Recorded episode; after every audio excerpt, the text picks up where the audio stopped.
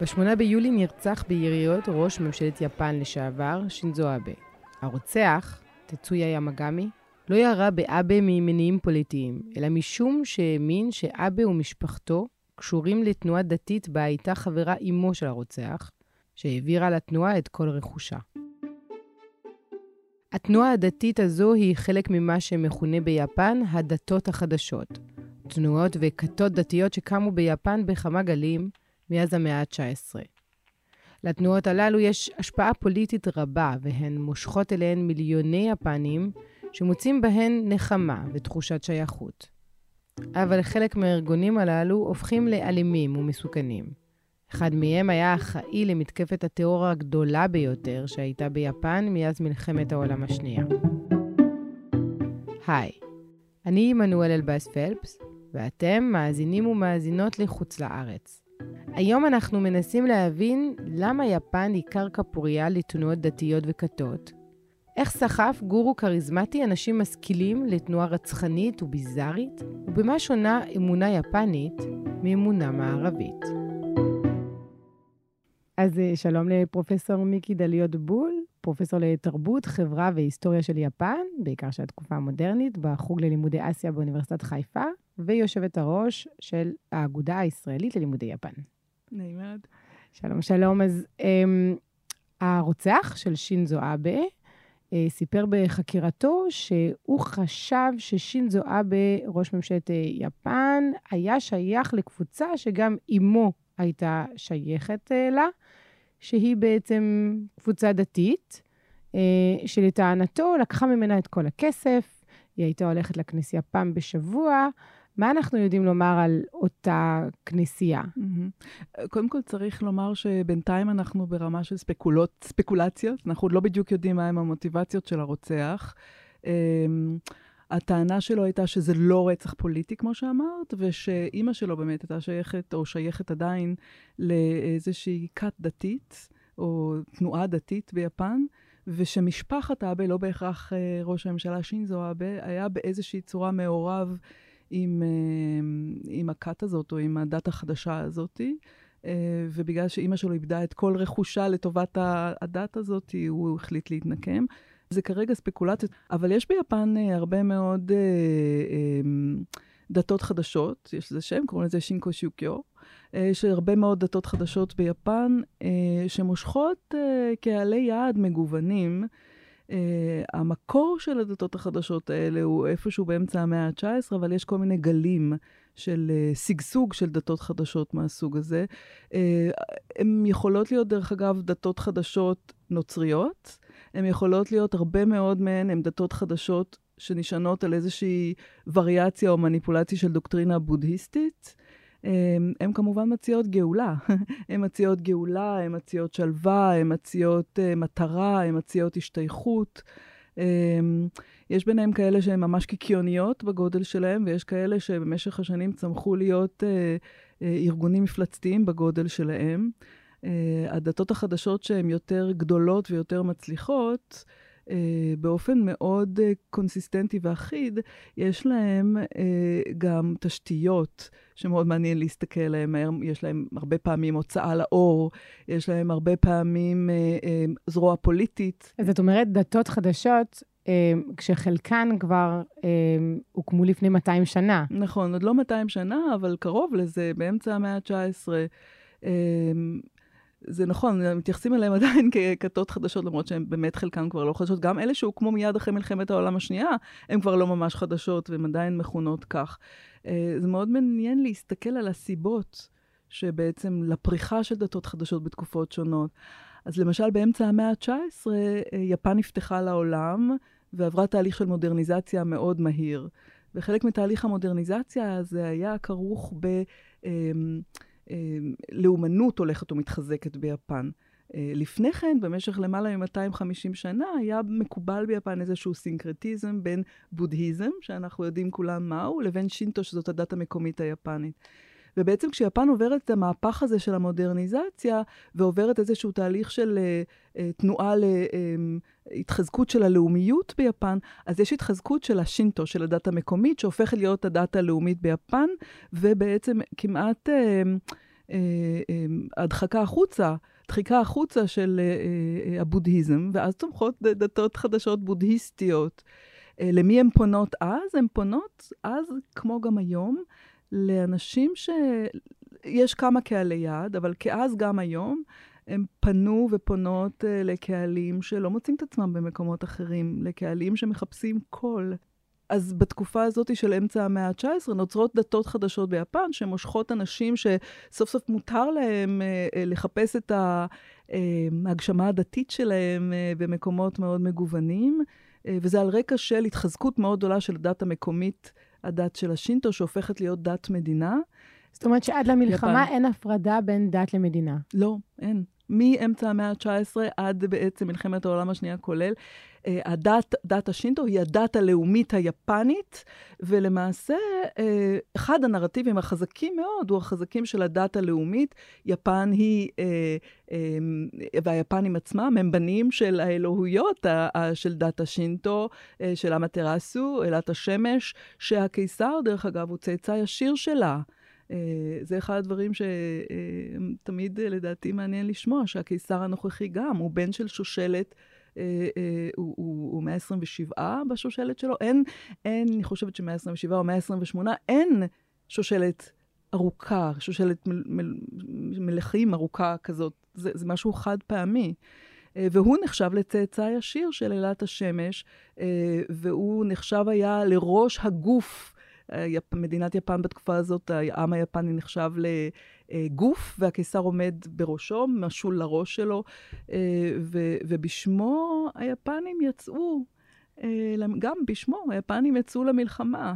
אה, וכשהאמריקאים ובעלות הברית הגיעו ליפן, הם פירקו את זה, והפכו את, את, עשו הפרדה בין דת ומדינה ביפן.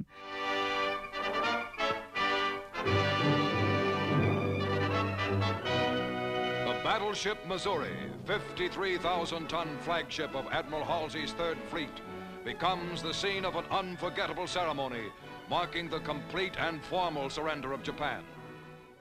מ-1945 עד היום אנחנו רואים שוב סינקרטיזם מאוד מעניין בחיי היומיום של אנשים יפנים בין בודהיזם לבין שינטו, ויש גם כמובן נוצר, נוצרים, רק שהם מיעוט, אה, ממש מיעוט, אבל קיימים.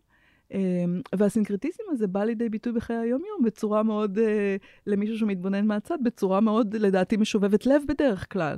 כי היפנים הם לא אנשים, רוב היפנים, יש אנשים מאוד דתיים, אבל רוב היפנים הם לא דתיים אה, במובן אה, האורתודוקסי של המילה.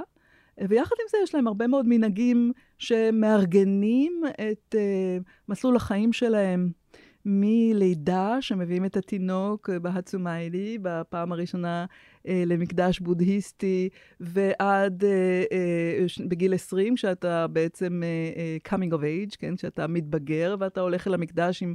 היום עושים את זה הרבה פעמים עם בגדי קימונו מסורתיים ומצטלמים, זה עולה הרבה כסף. כל הדברים שקשורים למקדשים ביפן, כל הפרקטיקות האלה כרוכות מאוד, קשורות קשר הדוק עם תרבות הצריכה ביפן. בעצם הדת ביפן היא מנהגים, mm-hmm. אולי אפילו אמונות טפלות, אבל לא אמונה. אוקיי, okay, אז אני לא הייתי מוותרת על המילה אמונות טפלות. אוקיי. Okay. Uh, אבל uh, um, הייתי אומרת שזה במובן של, אני לא חושבת, אני לא יודעת כמה אנשים, תשאלי אותם, אתם מאמינים באלים? אז אולי יגידו, אנחנו מאמינים שיש איזשהו כוח מאחורי הדברים, איזושהי רוח מאחורי הדברים. מין תשובה כזאת שהיא קצת אגנוסטית או קצת כזאת מתחמקת מהדבר עצמו. אני לא חושבת שהרבה אנשים ביפן היום מאמינים באלים, באמתרסו במובן הפשטני של אמתרסו עולת השמש, במובן הפשטני של המילה. אולי יש יותר אנשים שמתחברים לבודהיזם, כי לבודהיזם גם יש פילוסופיה מאוד עמוקה שאפשר ליישם אותה בחיי היום-יום, גם אם אתה לא איש דתי. אמ, אז אה, אמ, כן, אני חושבת שזה זה לא, זה עובד מאוד יפה, וזה לא, זה לא יוצר סתירות בחיי היום-יום.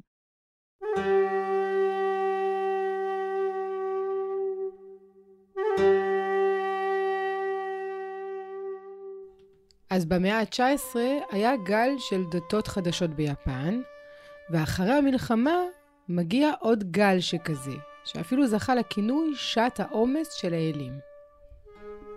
אחרי המלחמה, אחרי 1945, בעצם בעלות הברית, כמו שאמרתי, יוצרות הפרדה בין דת ומדינה.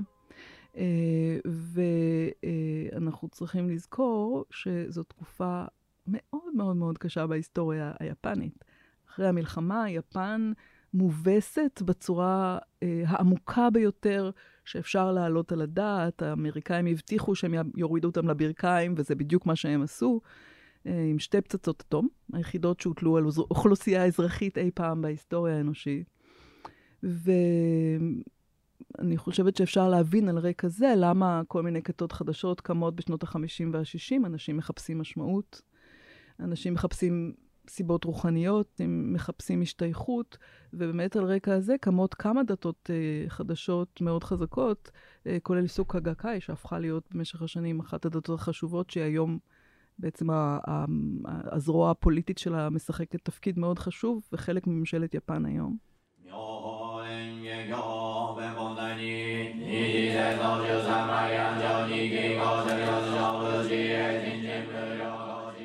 צוק הגגה התחילה כדת חדשה, בודהיסטית, שכמו כל הדתות האחרות, מציעה גאולה, מציעה פרקטיקות יומיומיות שמאפשרות לאנשים אה, אה, לחיות את חייהם בצורה שמעניקה להם משמעות. וזאת דת באמת שצמחה מאוד מהר, זאת אחת הדתות, הדתות שצמחו יותר מהר, והם לא רק שהקימו לעצמם אה, מרכזים מאוד מאוד גדולים. דרך אגב, כל הדתות החדשות האלה, הרבה פעמים יש להם, ברגע שהם קצת יותר מאשר קיקיוניות, יש להם הרבה פעמים גם סניפים מחוץ ליפן, שזה גם מעניין. אה, וסוקו גקאי גם הקימה אה, תשתיות של, כמו שאמרתי לפני כן, הוצאה לאור, מיסיונריות של עצמה, והיא גם הקימה מהר זרוע פוליטית. והזרוע הפוליטית הזאת בהתחלה מתחילה מפוליטיקה מקומית, ובהמשך הופכת להיות, אה, מנס, הם מנסים הרבה פעמים להתקדם לפוליטיקה ארצית. והיום הזרוע הפוליטית של סוקה גקאי זה קומייטו, שזאת היא בעצם השותפה החשובה ביותר בממשלה של, אה, בקואליציה של אה, LDP, של Liberal Democratic Party, שאליה השתייך גם שינזו אבה, זאת uh, המפלגה השלטת ביפן גם היום. בכלל, זאת המפלגה ששלטה ביפן רוב השנים מאז שנות ה-50 ועד היום. ומה השאיפות הפוליטיות שלהם? במה הם מתמקדים? הם כמובן uh, באורח החיים שלהם מקדמים רעיונות בודהיסטיים, אבל הם uh, מזוהים עם uh, מרכז ימין ביפן, וכרגע הם משתפים פעולה סוקה גקאי, זאת אומרת, יחד עם הזרוע, בעזרת הזרוע הפוליטית שלהם, הקומייטו, מפלגת הקומייטו, הם בעצם שותפים למפלגת השלטון, ה-LDP, הם בקואליציה שלהם, ואחד הדברים המרכזיים שהם מקדמים היום, או מדברים עליו לפחות, זה שינוי של החוקה היפנית. החוקה היפנית היא אה, אה, בעצם נכתבה על ידי בעלות הברית, אה, אה, והיא נחשבת לחוקה מאוד פציפיסטית. למה היא נחשבת לחוקה פציפיסטית? בגלל סעיף 9 שיש בה, שהוא סעיף שיפן מתחייבת לעולם לא להשתמש באמצעים כוחניים כדי לפתור סכסוכים בינלאומיים, ולמעשה, בגלל החוקה הזאת, יש ליפן רק צבא הגנה. הימין הפוליטי ביפן זה גם משהו שאבה מאוד קידם וזיכה אותו בפופולריות יחסית. הוא לא תמיד היה מאוד פופולרי, אבל זיכה אותו שוב ושוב בשלטון. אחד הדברים שהוא הצהיר על כך שהוא רוצה לקדם זה רפורמה של החוקה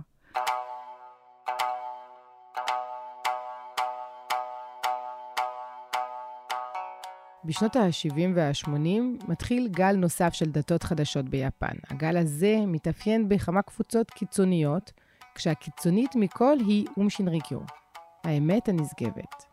בראש הכת עמד שוקו הסהרה, גורו כריזמטי, ארוך שיער, שסבל מלקות ראייה חמורה. אסהרה שוקו דס.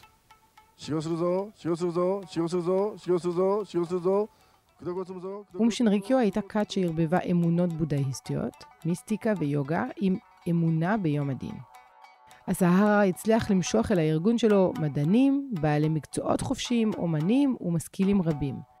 מעריציו שילמו המון כסף כדי לזכות בטיפות מדמו, כדי לשתות תה עם שערות מראשו, וכדי לכבוש קסדת אלקטרודות שאמורה לכאורה הייתה לשדר את גלי המוח של הגורו. מרכזה של הכת היה למרגלות הר פוג'י. פרקטיקות טקסיות רבות כללו סמים הזייתיים, והחברים עברו טקסי חניכה קיצוניים, לרבות השריה במים חמים, ושהייה ממושכת מתחת לאדמה. חלק ממאמיני הכת מתו במהלך הטקסים.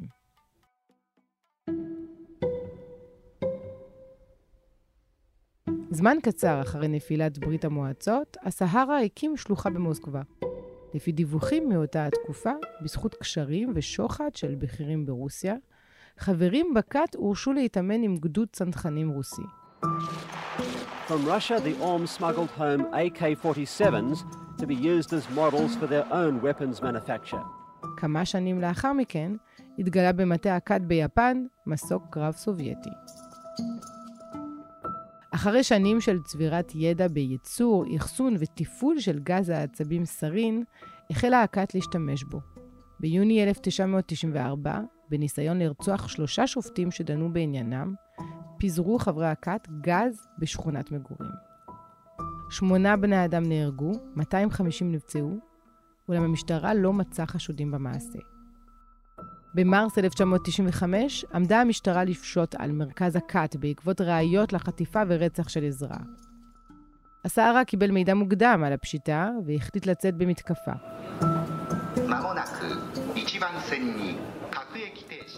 ב-20 במרס, חמישה חברי כת נשלחו לרכבת התחתית בטוקיו, כשברשותם שקיות של סרין ומטריות. החמישה התמקמו ברכבות שונות בשעת השיא של הבוקר, נקבו את השקיות בעזרת המטריות ועזבו את הזירות. במתקפה נהרגו 14 בני אדם ויותר מאלף נפצעו. יומיים לאחר המתקפה פשטה המשטרה על מרכז הכת, עצרה את הסהרה ורבים ממאמיניו. המתקפה טלטלה את יפן, שהחלה לגלות חשדנות כלפי חלק מהדתות החדשות והכתות שצמחו בה במהלך השנים. ביולי 2018, 23 שנה אחרי המתקפה, הסהרה ושישה חברי כת נוספים הוצאו להורג. מאוד מעניין לשים לב לכך שגם בשנות ה-70 וה-80 יש פריחה של דתות חדשות ביפן, ביניהם אה, אום שינריקיו, שמבצעת את הפיגוע הטרור ב-1995, אה, אה, מאהיקרי, שזאת דת חדשה שלא לא מואשמת בהיותה כת, אבל אני חושבת שגם, שוב, כאן יש כאן איזשהו טווח אפור כזה, ויש לה הרבה מאוד מאמינים. Uh, Happy Science, קופקו גקו, גגקו, שגם נוצרת בשנים האלה. וכאן נורא מעניין לחשוב למה בשנות ה-70 זה קורה. ואני חושבת שהפתרון הוא, אה, או התשובה לכך היא שבשנות ה-70 יש באמת, למעשה זה ב-1968 יפן, אה, אה, התל"ג היפני הופך להיות אה, השני בעולם אחרי ארצות הברית. ובשנות ה-70 מתחילים, בגלל כל מיני רפורמות כלכליות בתוך יפן, תרבות הצריכה מאוד צומחת, ומתחילים לחוש בשפע הכלכלי אחרי שנים רבות של כמעט צנע. ובמדינה שהיא, אנחנו הרבה פעמים שומעים את הנרטיב הזה, במדינה ש... אין לה אה, זהות אה, פוליטית בעולם עצמאית, היא יושבת תחת המטריה של ארצות הברית, מדינה שהיא לא מדינה דתית, היא מדינה מאוד לא דתית. אה, אה, אני חושבת שהרבה אנשים בתוך התרבות הצריכה, שמהר מאוד הופכת להיות להיפר תרבות צריכה, אה, אה, עוברים גם חוויה של ניכור חברתי, וגם חוויה של אובדן משמעות.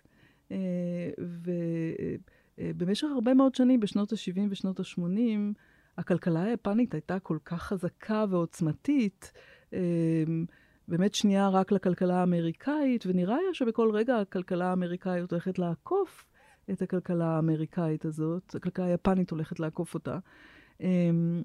והשפע ביפן, מי שהיה ביפן בסוף שנות ה-80, יכול היה לראות את זה, השפע ביפן היה ניכר ברחובות ממש. אמ, מצד שני, היה לשפע הזה מחיר מאוד קשה.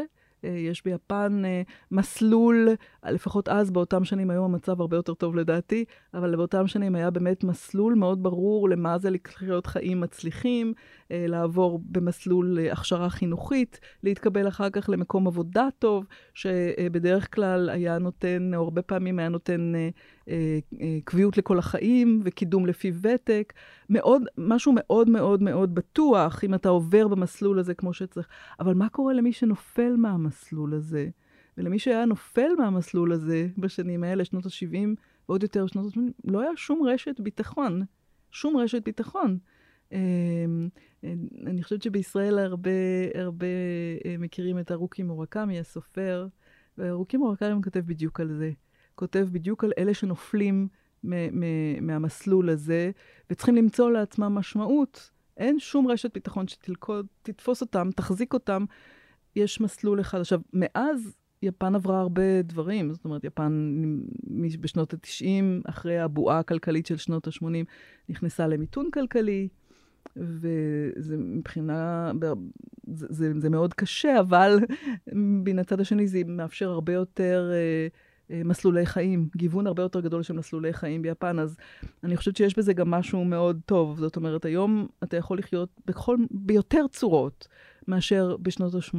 עכשיו, אני חושבת שבשנות ה-70 וה-80, דווקא אותם אנשים שחשו מצוקה לאור המחיר האישי הקשה שצריך לשלם בשביל ללכת במסלול הזה, שעות עבודה ארוכות, אה, אה, אתה לא יכול לסטות ממנו, אתה לא יכול להיות מישהו שהוא קצת אחר. אה, אה, ניכור בתוך המשפחה, בגלל שבדרך כלל אבי המשפחה עובד המון המון שעות, והמשפחה לא כל כך רואה אותו. אה, אני חושבת שזה יצר הרבה מאוד פתולוגיות חברתיות מצד אחד, והפיצוי היחידי שהיה, היה פיצוי חומרי, פיצוי בכסף, פיצוי בכסף של, של תרבות צריכה משתוללת, תרבות צריכה שלא נראתה כדוגמתה בראוותנות שלה בסוף שנות ה-80 ביפן. ואני חושבת שזה בדיוק המקום, בדיוק המקום שבו נוצרו בתקו, בעת הזאת הדתות החדשות האלה. אמ, אני רוצה דווקא לספר על הרקע הזה שתיארתי עכשיו, את העלייה של אום שינריקיו, שידועה היום בשם א', אותה דת שמי שהקים אותה היה שוקו הסהרה, שבעצם הוצא להורג אה, ב-2018 אה, בגלל שהוא הואשם באחריות לפיגוע הטרור ב-1995. דווקא אה, מה שהיה מאוד מאוד מעניין, בהקשר של אום שינריקיו, זה שהיא לא משכה רק אנשים מהשוליים הסהרוריים או מהשוליים השקופים. זה לא כמו דתות כמו סוקה גקאי, שבהחלט מושכת אנשים, הרבה מאוד נשים, מעמד בינוני נמוך, עקרות בית שהן שקופות, ונותנות את המעות שלהם בשביל לתרום לדת הזאת כדי שהיא תוכל להמשיך לבנות ולהתפתח. הדתות האלה הן הרבה פעמים מאוד עשירות. מתרומות של uh, המאמינים שלהם. אום שינריקיו, מה שהיה מאוד מאוד מיוחד ומצמרר בה, זה שהיו חברים בה גם אנשים מאוד משכילים, שהיו גם uh, בעלי תפקידים בבירוקרטיה היפנית, uh, בעלי מקצועות חופשיים, עורכי דין, רופאים, אנשים מאוד, uh, לא אנשים של השוליים ההזויים. ואחרי הפיגוע ב-1995, נשאלו הרבה מאוד שאלות נוקבות ביפן. איך לא ראינו מה הם עושים? איך לא היינו מודעים לזה? למה אנשים כאלה הולכים לכת כזאת? וזו בהחלט כת.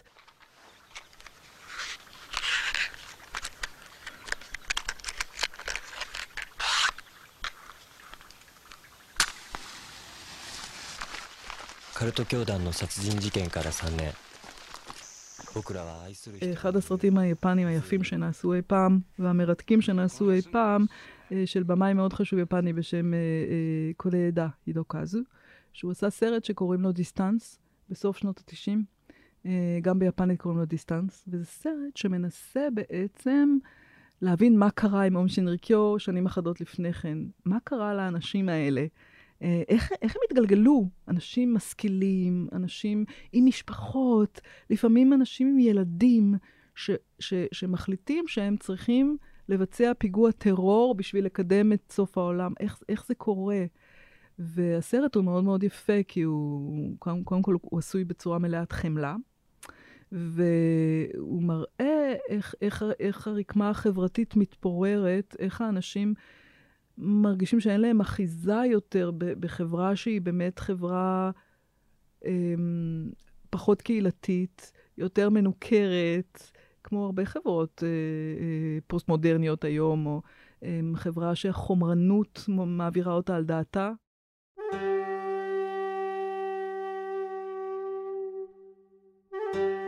מה השתנה ביפן בעקבות אום שינריקיו? אחרי הפיגוע של אה, אום שינריקיו ב-1995, החוקים הפכו הרבה יותר נוקשים. ואחת השאלות שנשאלה הייתה איך אף אחד מארגוני הביטחון ביפן לא ראה את זה. איך לא ראינו את זה בא? איך אף אחד לא שם את העץ, איך אף אחד לא ידע שזה הולך לקרות? אז היום, היום יש יותר החמרה, זה כבר בכל זאת עניין של למעלה מכמעט 30 שנה. 1995, אז uh, יש יותר החמרה, אבל, ויש, כאילו, אם, אם חושבים שיש ארגון שהוא ארגון מסוכן, אז, אז הוא כמובן יהיה מחוץ לחוק. הבעיות שדיברת עליהן, שאפיינו את יפן והביאו ליצירה של הדתות החדשות ושל הכתות המסוכנות, הן עדיין שם? Mm, אני חושבת שלכל חברה יש פתולוגיות משלה, כן? ברור. אני פשוט יפנולוגית, אז אני מסתכלת על יפן ביתר עניין, ואני יכולה לדבר על פתולוגיות של החברה היפנית בצורה יותר uh, רהוטה מאשר על פתולוגיות של חברות אחרות. לכל חברות, לכל חברה אנושית יש את הבעיות שלה. Uh, ביפן, um, אני חושבת שיש uh, היום הרבה יותר ריבוי של דרכים לחיות את החיים. יש הרבה יותר life trajectories מפעם. עדיין אנחנו גם פה, אנחנו שומעים על uh, התפרקות של המוסד המשפחתי ביפן, על זה שהרבה אנשים לא רוצים להתחתן. זה דבר שרואים גם באירופה, דרך אגב, הרבה אנשים לא רוצים להתחתן, הרבה אנשים לא רוצים להביא ילדים לעולם. יפן איכשהו מקדימה את זה ומובילה את, ה, את הטרנד הזה, שנחשב בתוך יפן עצמה לטרנד בעייתי. דווקא אה, יש כל מיני אה, סימנים גם אחרים, למשל, אה, ב-2011 היה אסון בפוקושימה בטוהוקו של אה, הצונאמי וה... וה... כן, וה, והאסון ב, ב, במרכז, בכור הגרעיני בפוקושימה, אמ, רעידת האדמה, האסון המשולש של רעידת האדמה, הצונאמי ו, והכור הגרעיני, ובעקבותיו התחילה איזושהי פעילות של החברה האזרחית אה, בסדר גודל שלא ראו אולי מאז שנות ה-50 וה-60 ביפן. וזה כמובן נבע ממקום מאוד מאוד קשה, אבל זה היה רגע קצת אופטימי אה, במובן של ההתלכדות החברתית והעשייה החברתית המשותפת לטובת איזה שהן מטרות אה, חברתיות ביפן.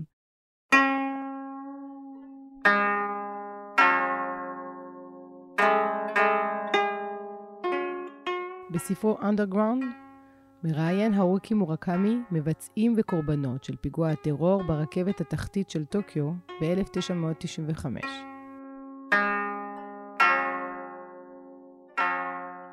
את השכנוע העמוק בצדקת הדרך ראיתי לא רק בקרב חסידי אום שראיינתי, אלא אפילו בקרב אלה אשר עזבו את הכת וכעת מותחים עליה ביקורת בגלוי. את כולם שאלתי אם הם מצטערים על כך שהיו חלק מאום. כמעט כולם השיבו, לא, אין בי חרטה. השנים האלה לא היו בזבוז זמן. למה? התשובה פשוטה. מכיוון שבאום הם מצאו כוונות טהורות שכמוהן לא הצליחו למצוא בחברה הרגילה. אפילו אם בסופו של דבר זה הפך למשהו מפלצתי, הזיכרון הקורן והחמים של השלווה שהם מצאו באום הותיר בהם את חותמו ושום דבר אחר לא יכול להחליף אותו בקלות.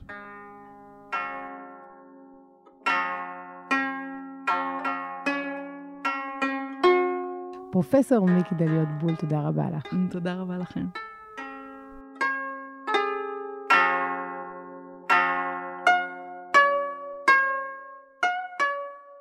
זהו, עד כאן הפרק הזה של חוץ לארץ. אנחנו נמצאים כרגיל באפליקציה ובאתר של הארץ ובכל האפליקציות האחרות שבהן אתם שומעים פודקאסטים.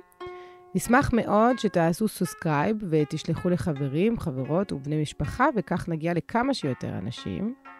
תודה רבה לאסף פרידמן, לאמיר פקטור, לשני אבירם ולרועי סמיוני. אני עמנואל אלבאס פלס, ואנחנו נשתמע בשבוע הבא.